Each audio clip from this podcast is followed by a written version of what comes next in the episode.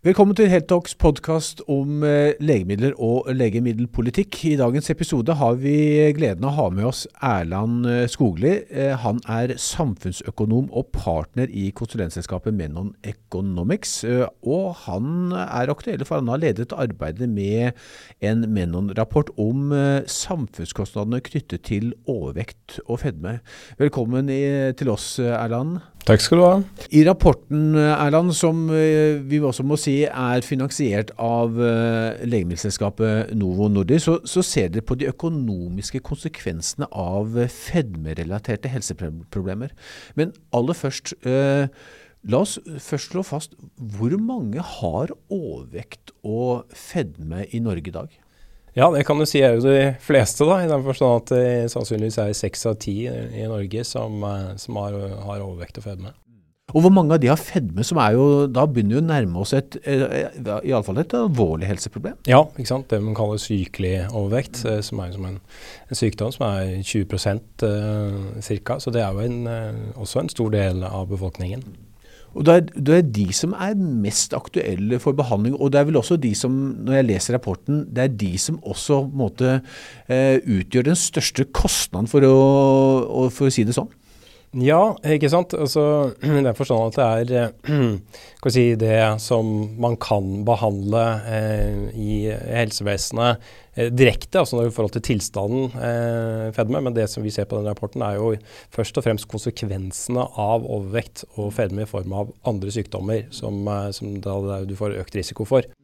Og de er jo også da en veldig stor kostnad eh, for helsevesenet og, og, for samfunnet for øvrig. sånn at Egentlig så er det jo da eh, overvekt eh, med da en så stor andel av befolkningen eh, den største eh, si, eh, samfunnskostnaden. Og Hva er det som gjør altså Norge har jo gått fra å være et, eh, et relativt eh, slankt folkeferd eh, for ikke så veldig mange år siden til å bli, som du sier, flertallet av oss er blitt overvektig eller har fedme. Hva er det som har skjedd? Ja, nei, Det er jo en, selvfølgelig, som vi vet, en stor endring i hele den vestlige verden i, over mange tiår, med, med endringer i måten vi lever på. Eh, men det som er viktig å, peke på, er jo at dette er også eh, selvfølgelig eh, knyttet til annen type sykdom og risikofaktorer enn bare akkurat dette med kosthold og, og livsstil. Altså, sånn at Det vi peker på i denne rapporten, er jo også at ikke bare forårsaker eller øker overvekt og fedme risiko for annen sykdom, men annen sykdom er også risiko for overvekt og fedme, ikke minst av psykisk sykdom, og, og naturligvis sånne ting som spiseforstyrrelser, som Spiseforstyrrelser er jo Overspissing er jo da den største på en måte um, delen av, av spiseforstyrrelsesspekteret i, i Norge, som er den vestlige verden. Så, så en, en, sykdom som egentlig altså fedme og overvekt, er en folkesykdom, kan vi si, som, som, som vi skal komme litt inn på, også, som har andre eh, si, komorbiditeter, altså som gir andre sykdommer også? Ikke sant. Sånn at eh, når WHO, eh, akkurat som norske myndigheter, da peker på overvekt og fedme som en av de største folkehelseutfordringene i vår tid, så, så er det noe som absolutt bekreftes i denne rapporten. Hvem er, hvem er det som, har, eh, som, er overrepresentert i denne sykdomskategorien? Eh, kan du si noe om det? Ja, altså Det er jo som med mye annen kronisk sykdom eh, noe som påvirkes veldig mye av sosioøkonomiske faktorer. Eh, så det er jo ujevnt fordelt i befolkningen. Um, både knyttet til demografi, geografi, uh, sosioøkonomisk status. sånn at lave lavinntektsgrupper, um, lavere utdanning og også da som nevnt knyttet til psykisk sykdom, en del eh, sånn kronisk sykdom som, som, også gjerne er knyttet til sosioøkonomisk status. Og så er det også geografi da hvor det er ganske ujevnt fordelt, hvor det er minst i Oslo og mest i, i de, i de nordlige, nordligste um, fylkene.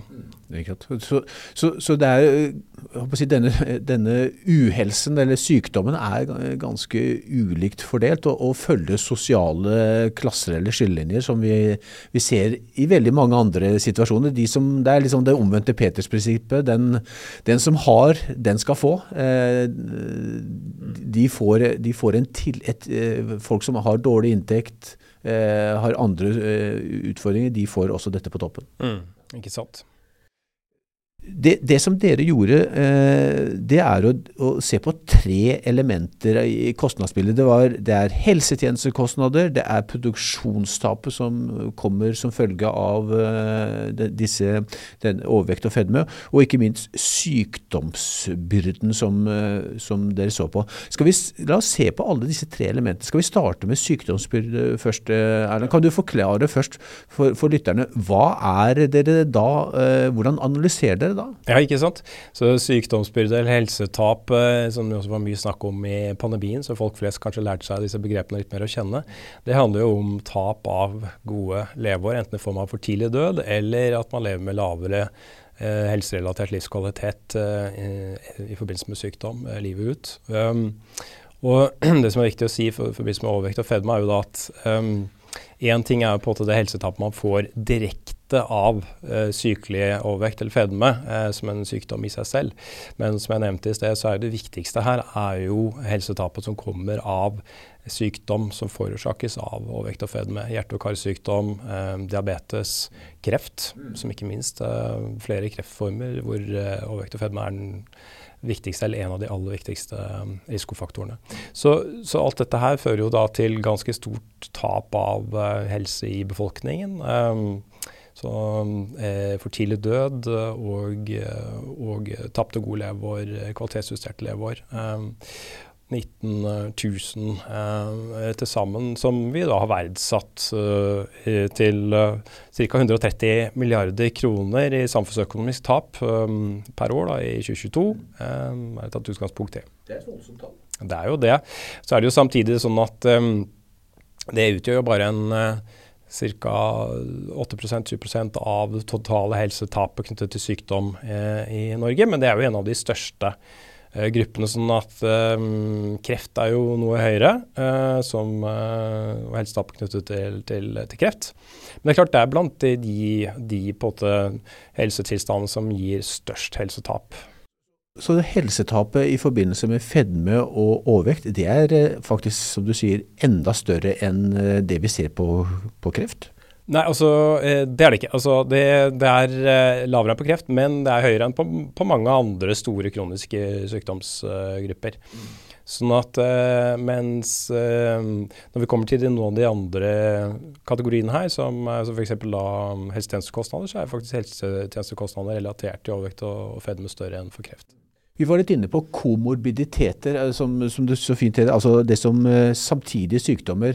Uh, du nevnte diabetes type 2, kreft. Jeg ser rapporten peker på søvnapné, psykisk uhelse har du vært inne på. Ja, og ikke minst hjerte-kar, som er vel det største. Kan du si litt om hva dette betyr i det store bildet? Ja, Så man regner jo da med at overvekt og fedme øker risikoen for mer enn 150 ulike sykdommer. Så eh, i smått og stort. Så, så det er jo skjedd en stor uh, utvikling internasjonalt når det gjelder kunnskap om dette de siste årene, som jo også har fått betydning for uh, nå det siste som vi har sett rundt uh, metodevurdering av uh, legemidler knyttet til overvekt og fedme, at uh, når det da har en direkte effekt på reduksjon av hjerte- og karsykdom, diabetes, som jo er veldig sterk sammenheng da, mellom overvekt og fedme og diabetes type 2, men også kreft, så etter hvert som man får mer evidens, mer kunnskap om, om sammenhengen mellom overvekt og fedme og disse sykdommene, så, så, så, har jo også det stor betydning for um, eh, ja, forståelsen av hvorfor det er så viktig å gjøre noe med denne samfunnsutfordringen. Så som du sier altså i rapporten, så, så, går vi jo inn på hvor stor risikofaktor overvekt og fedme er for mange av disse store kroniske sykdomsgruppene og kreft. Um, og som, som, jeg nevnte, så er jo f.eks. for noen kreftformer så er jo da Altså, for, så, så, er jo um, overvekt og fedme forklarer 40, opp mot 40% av altså, um, eh, kan tilskrives overvekt og fedme som risikofaktor. Nettopp. Det er interessant. Ok, Så altså 132 milliarder kroner er da den eh, kostnaden som er, ligger på sykdomsbyrden som vi nå har snakket om.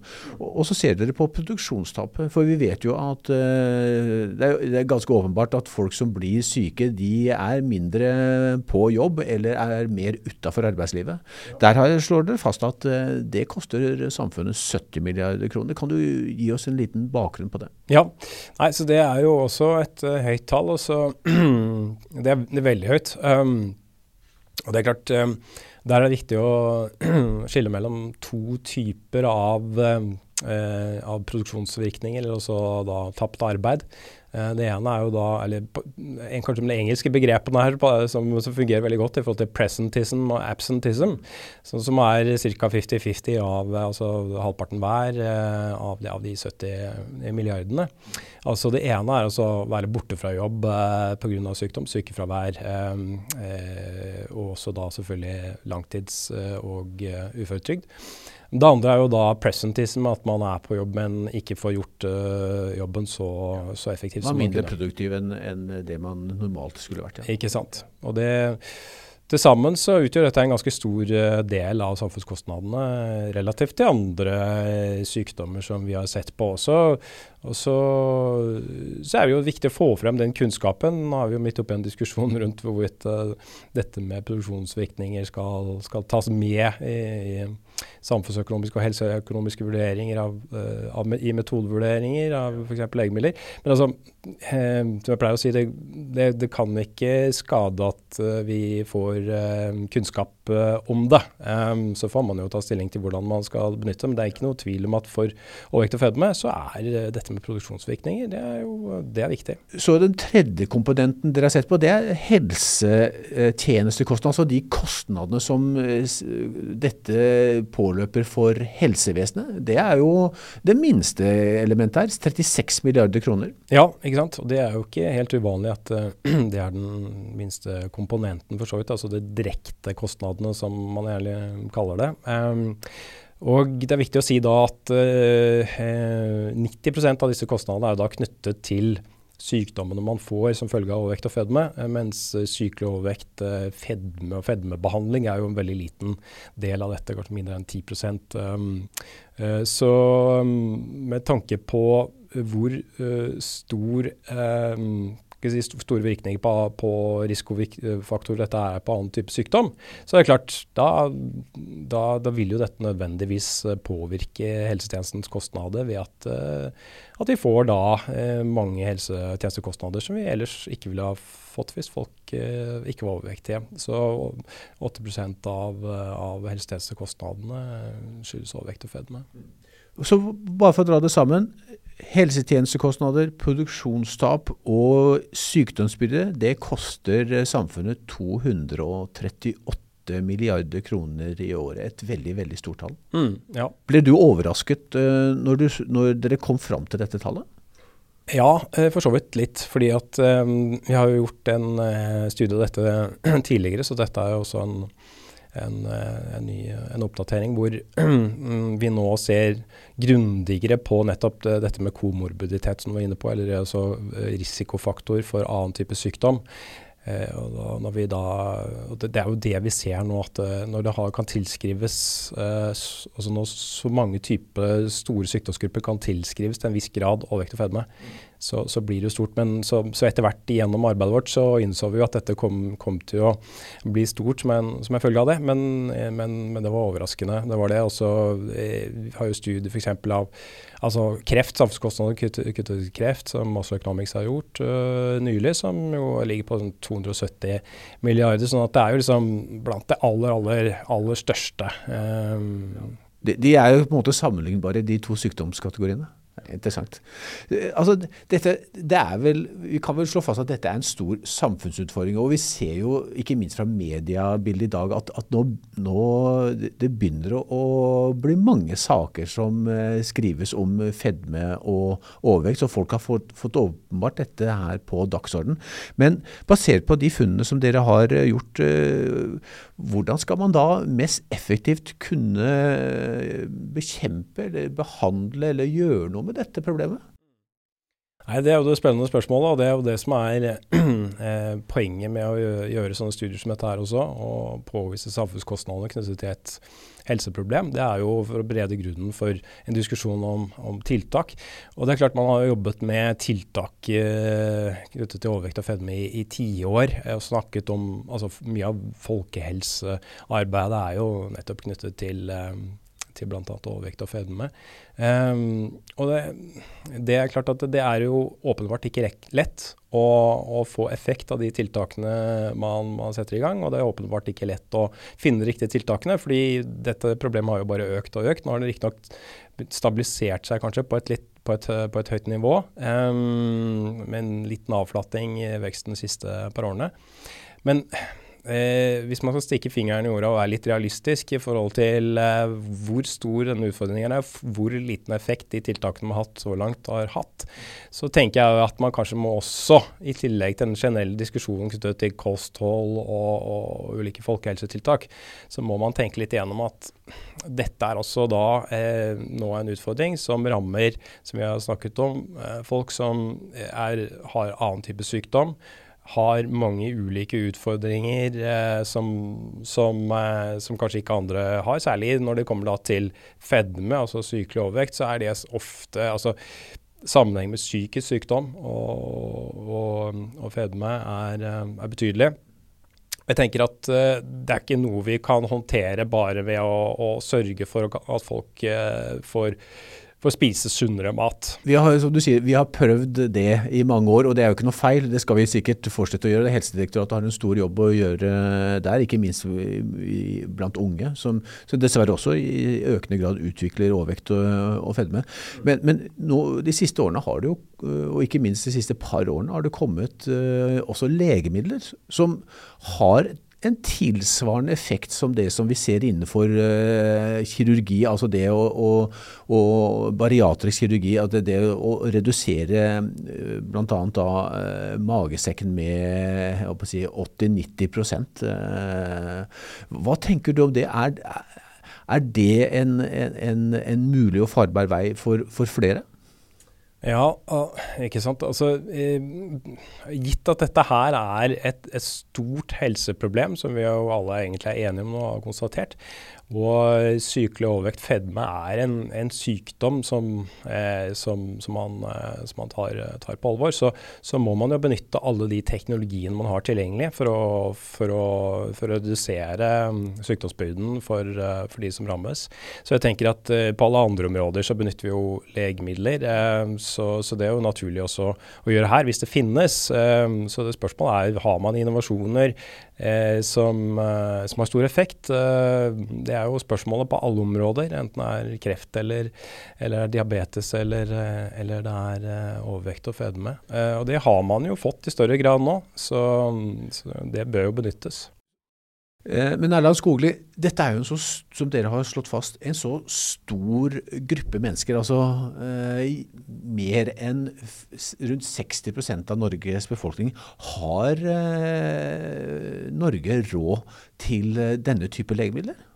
Ja, altså i den grad et legemiddel er, er effektivt eh, opp mot andre tiltak, så er jo spørsmålet eh, Har vi på en måte råd til å ha så store samfunnskostnader knyttet til denne sykdommen som vi har påvist her. Altså, Hvis vi kan redusere disse samfunnskostnadene, hvis vi kan redusere sykdomsbyrden like effektivt som for, for andre sykdomsområder med legemiddel, så, så, så, så, er vel ikke så mye spørsmål om vi har råd, det er som om vi skal prioritere det eh, opp mot andre ting. Og I så måte så er det jo viktig å si at jo større på en måte helseproblemet er, og jo flere som berøres, jo mer kostbart blir et eh, enkelttiltak, eh, men jo større nytte har det jo også. Sånn at eh, Det er jo ikke sånn at vi kan på en måte være mer kritiske til å innføre tiltak som har stor nytte, og så er vi mindre kritiske til tiltak som har liten nytte, bare fordi at kostnadene er mindre. Det er jo det som er hele poenget med samfunnsøkonomi, er å se nytte opp mot kostnad. Ja, for, for Vi snakker veldig mye om i eh, Beslutningsforums eh, kontekst eh, om, om, små pasientgrupper som skal ha dyre medisiner. Her snakker vi jo om store pasientgrupper som skal ha relativt dyre medisiner iallfall. Så du tenker at det å tilhøre en stor gruppe, det kan jo ikke være noe handikap og noe diskvalifikasjon for å, å få tilgang til legemiddel på blå resept?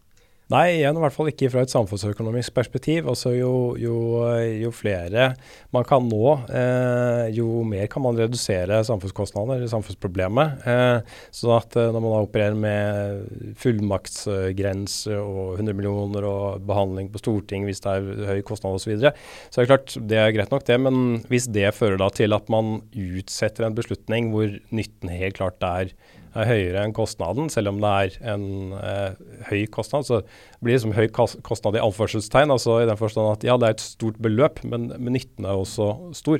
Så det er jo viktig at vi ikke utsetter beslutninger som har eh, stor nytte eh, sett i forhold til kostnaden. For, tror du når, når eh, Legemiddelverket, altså eller Direktoratet for medisinske produkter, gjennomfører denne type kostnadseffektivitetsvurderinger, eh, eh, sånne metodevurderinger, Mener du at de skjelner for mye til de totale budsjettkonsekvensene i forhold til hva som er eh, eh god eh, si, helsepolitikk eller helseøkonomi? Altså, det er jo ikke noe tvil om at det, samfunnsøkonomisk så er det jo sånn at vi ønsker å stille spørsmålet er dette nyttig eh, for samfunnet og mer nytt, veldig mye mer nyttig enn kostnadene Eh, enn kostnader tilsier, eller altså, eh, altså, mye mer nyttig enn kostnadene. Eh, og da er jo sånn at budsjettene til helseforetakene og en, en, en grense i forhold til liksom, totale summer og sånt nå, det er jo da egentlig litt mindre vesentlig enn samfunnsøkonomisk analyse. Altså, eh, sånn at eh, jeg tenker at det er jo viktig at eh, man iallfall da ser at det ikke er ett en bestemt beløpsgrense som er satt uh, altså, ja, Eh, mer eller mindre tilfeldig, at, at den eh, da er til hinder for at man tar gode beslutninger. For vi, for vi snakker jo her om eh, milliarder av kroner potensielt. Ja, ikke sant. Og det, det, gjør man jo på andre samfunnsområder også. Det er jo, det koster milliarder av kroner å kjøpe inn eh, nye jagerfly. Eh, eh, og det koster milliarder av kroner å bygge nye veier og lage bare en, en, en ny motorveistrekning på, på, noen få kilometer. Um, så er det jo ikke sånn at man sier at ja, nei, men uh, siden uh, denne veien her kommer til å koste mer enn 100 millioner, så, så er det en helt annen beslutningsprosess. Så her kan vi egentlig forvente å bare utsette det her med flere måneder. Um, man har jo et litt annet kan du si, beslutningsregime da, i, i andre sektorer hvor man da eh, opererer med en samfunnsøkonomisk analyse som tilsier hvorvidt dette her er eh, ja, gir større nytte enn en kostnad. Og så, og så, har man jo eh, kanskje da, eh, i motsetning til sykehussektoren, da, som er hvor man har helseforetak med sin egen økonomi, så har man jo da på et, et samlet uh, budsjett og en plan, en nasjonal transportplan, NTP, som er på 1000 milliarder kroner, hvor man uh, skal prøve å finne de, mest, uh, de beste investeringene og prioritere det.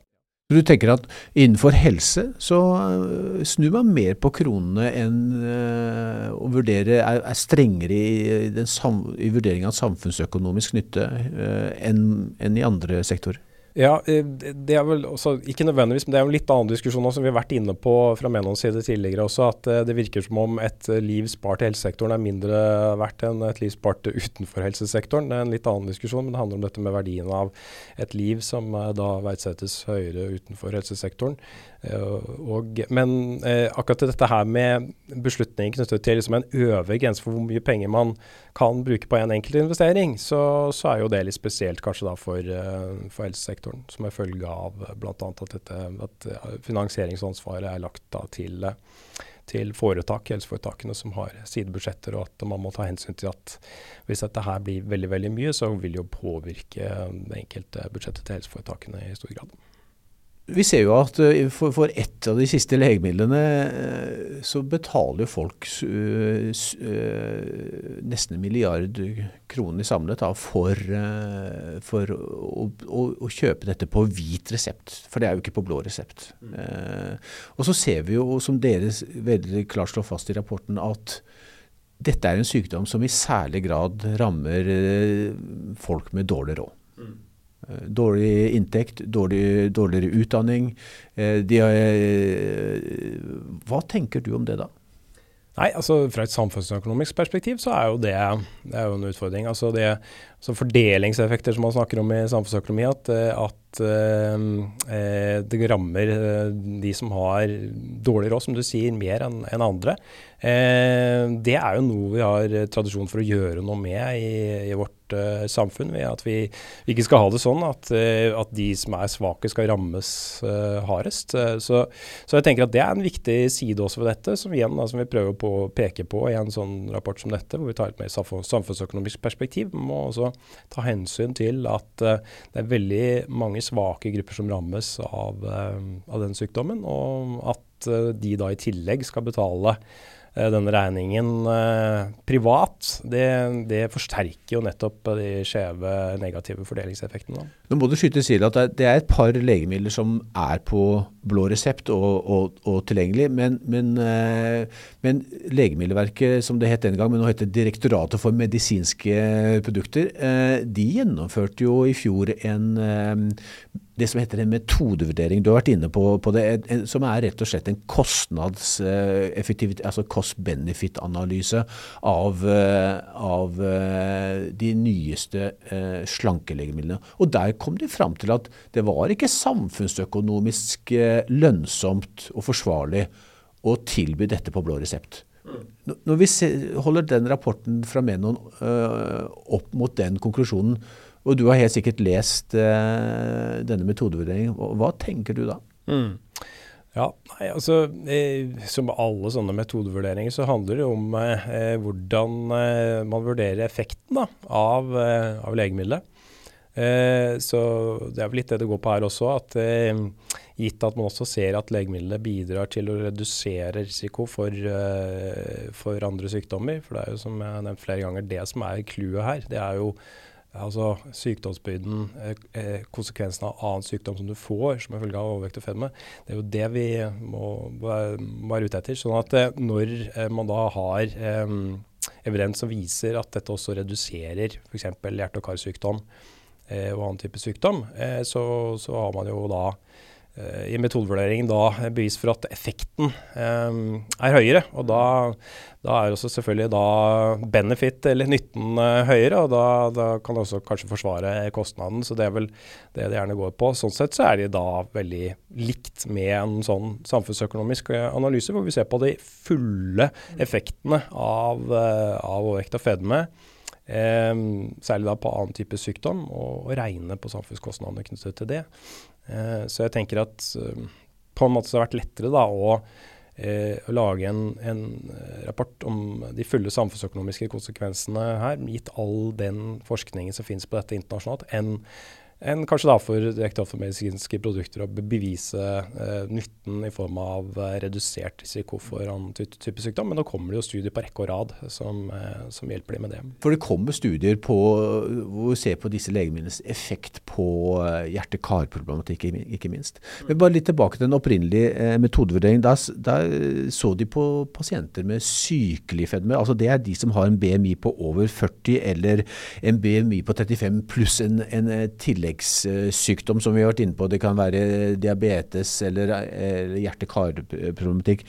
Og så sa, regnet de slik at, uh, basert på uh, innspill fra eksperter, at, uh, at dersom halvparten av disse, da, 30, som er ca. av disse ja, fikk dette, dette legemiddelet, så ville det koste skattebetalerne 2,1 milliarder kroner per år et veldig høyt tall. Ja, ja det, det, er jo et høyt tall. Men enda så er jo det relativt få, få brukere. da. Eh, så når vi ser på liksom omfanget av dette her, så, så, Men sånn er det. altså Det gjelder jo for mange nye eh, metoder eh, som kommer nå. Ikke bare legemidler, men også medisinsk teknologi, medisinske innovasjoner. At de kan jo potensielt nå eller brukes av veldig mange, eh, veldig mange innbyggere. Eh, og, og, og, da er jo spørsmålet er da nytten eh, høyere enn en kostnaden. Eh, og det, er den det, så tenker jeg jo at da må man jo også vurdere som jeg sa i sted, legemidler som en teknologi som man skal anvende for å redusere samfunnskostnader. Eh, det kan jo gjelde flere andre store sykdomsgrupper som, som f.eks. demens Alzheimers, eh, som som det jobbes med. Og, og, og ja, i hele tatt uh, mange store folkesykdommer, ikke bare overvekt og fedme. Så, så, jeg tenker at uh, ja, det er en stor sum, men spørsmålet er jo da eh, Finnes det andre metoder, finnes det andre måter i, i, samfunnet å bekjempe dette samfunnsproblemet på som er mer effektivt? I så fall så skal man jo bruke det. Uh, så spørsmålet er jo da tilbake til myndighetene. Finner man eh, andre f.eks. folkehelsetiltak som er mer kostnadseffektive, så bør jo det benyttes. Og, og, og Noen eksperter mener jo at uh, staten burde gå uh, skattlegge usunn mat uh, i større grad. sukkerholdig brus, godterier. altså mm mye av de elementene som vi har sett i de siste 20-30 årene kommet inn i norsk daglig, dagligvarehandel, hvor, hvor de siste meterne fram mot kassa er fullt med energitung mat, eller liksom-mat. Ikke sant. Og det, det, er jo et bra tiltak, det.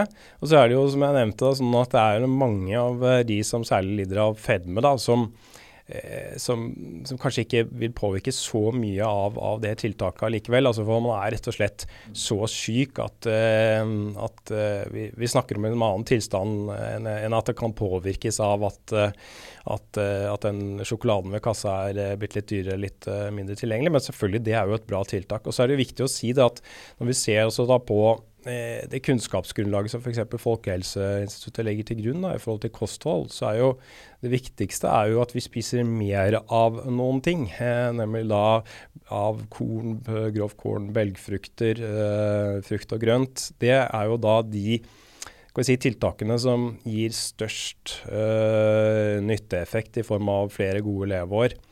Sånn at det er jo dette, her, eh, dette skiftet eh, som det er snakk om, altså dette med altså, eh, en veksling hvor man da på en måte skattlegger produkter som er usunne, og så i bytte da kan redusere avgifter på, på matvarer som er sunne.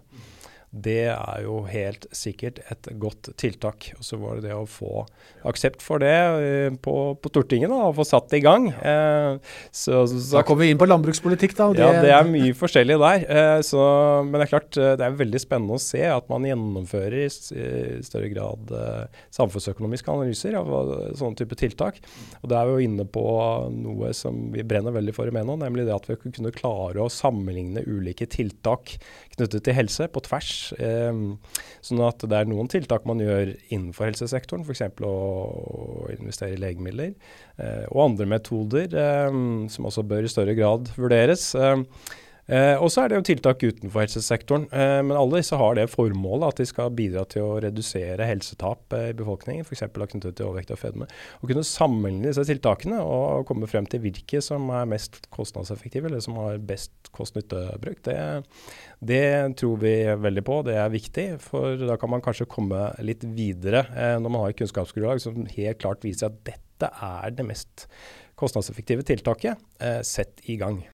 I mellomtid så si, tar eh, folk flest, eh, for det er de, folk flest som er, har fedme og overvekt, de tar skjea i sin egen hånd, og, og så kjøper de eh, disse legemidlene sjøl. Altså, vi var inne på det, brukte over en milliard eh, kroner. Og vi ser jo at vi får kanskje litt amerikaniserte tilstander. Det som man trodde bare, ville bare skje i USA, at, at, folk tar ansvar for å kjøpe legemidler. Her, her, i Norge er vi jo vant til å få ting på blå resept, men i dette tilfellet så gjør jo folk det selv. Er det noe problem? Ja, altså det er, det er klart det, det, er jo, som vi ser, det debatteres jo heftig nå at det kan være med på å underminere hele modellen vi har eh, selvfølgelig for, eh, for, helsetjenester i Norge, som stort sett er ja, altså veldig stor grad finansiert over skatteseddelen. Det er et spleiselag for å sikre at det skal ha lik tilgang for, til helsehjelp for alle. Så, så, det er klart det er jo liksom med på å stille spørsmålstegn ved hele modellen vår når, når det blir sånn at en stor del av befolkningen går og kjøper i eh, dette tilfellet av legemidler for egne penger, som, eh, som, som er såpass spesialiserte. Altså, vi har jo selvfølgelig da eh, legemidler som ikke er på resept. Eh, vi, det er jo ikke sånn at vi har offentlig finansiert Paracet for, for alle innbyggere, men dette er jo eh, tross alt et veldig spesialisert Og det koster 36 000 kroner ca. per år per pasient. Ja, det er jo litt med en Paracet. Det er litt, eh, Hvis man bruker så mye på Paracet, så har man, en, eh, har man, mye vondt i hodet. Eh, men det er klart at hvis, Og hvis staten har tatt over ansvaret for å gi i hvert fall noen grupper av dette på blå resept, så ville mest sannsynlig prisen gått ned. For da ville man forhandlet eh, med legemiddelprodusenten. Sikkert. Så, men jeg tenker at um det er jo sånn Det å innse at dette er et såpass stort uh, folkehelseproblem, og begynne å vurdere ulike tiltak ja, opp mot hverandre, det, det er i hvert fall, uh, hvert fall nødvendig her. Uh, så det er jo ikke én, det er jo ikke én bokstavelig talt medisin, det er ikke ett tiltak alene her, men det er mange ulike tiltak. Um, Eh, men noe bør gjøres, fordi dette, dette, begynner å seile opp som et veldig stort uh, folkehelseproblem. Um, og da nytter det ikke bare å sitte og snakke om det. Helt til slutt, Erna Skogli. Hvis du skal se litt inn i krystallkulen og, og si, se ett til to år fram i tid, tror du at uh, Direktoratet for medisinske produkter kommer til å endre oppfatning og si at vi vil uh, ta uh, dette inn på blå resept? Det, det, er vel, som jeg snakket om, kanskje særlig knyttet til eh, det å få mer evidens på effekter knyttet til, eh, til redusert risiko for, eh, for, sykt, for store sykdomsgrupper, da, som hjerte og kar eh, osv. Så, så, og det, det, virker jo som det, det kommer. Det har jo vært noen, sånn som jeg har sett, ganske overbevisende studier eh, internasjonalt nå, som, som jo har Det har vi jo sett også påvirket eh, vurderingen av disse legemidlene eh, og verdien av de også i stor grad. Så det må jo også påvirke beslutningene til norske helsemyndigheter. For det du sier er at Når man kan påvise harde endepunkter som eh, kardiovaskulær sykdom, kardiovaskulær død eller andre svært alvorlige helseeffekter, sånn som dere bl.a. har gjort i denne rapporten, så øker det eh, sannsynligheten for at uh, direktoratet vil fatte en annen beslutning i, fremtiden. Jeg skulle jo tro det, fordi vi har jo tross alt metode, fått metodevurderinger på legemidler som nettopp har en direkte eh, altså som, som, er beregnet på disse kardiovaskulære sykdommene som, som, eh, som benyttes i dag. Eh, og så Hvis disse nye legemidlene er veldig effektive også på, på, på disse sykdomsgruppene, så bør de jo så, det jo, så må man jo vurdere den effekten de har opp mot de også legemidlene man allerede benytter på, på, disse, på disse indikasjonene. Erland Skogli, eh, det var interessante refleksjoner eh, og en veldig interessant rapport. Eh, vi kan anbefale at den er lettskrevet og velskrevet. Ikke altfor lang heller, så den finner dere som ønsker det på Menno sine hjemmesider. Absolutt. Det er god lesing, og det er som sagt det er interessant. Og vi prøver å gjøre det lett tilgjengelig i rapporten hvor stor risiko for, for annen type sykdom og vekt og fedme er. Og det, det tenker jeg at Sannsynligvis har vi bare sett starten på, på all forskningen eh, som knytter eh, altså overvekt og fedme som risikofaktor for annen sykdom. Det, jeg ser også at Folkehelseinstituttet jobber mye med f.eks. sammenhengen mellom psykisk sykdom og alvorlig psykisk sykdom også, og, og fedme. Det tenker jeg også da er selvfølgelig da en, et folkehelseproblem i, ut, i, i utvikling, altså psykisk sykdom. Det er kanskje det som vokser mest i, i, befolkningen i dag. Så det er også, også, noe som jeg tenker at uh, man kommer til å se mer til i, årene fremover. Sammenheng mellom overvekt og fedme og psykisk sykdom. Erland Skogli, tusen takk for at du kom til oss i studio.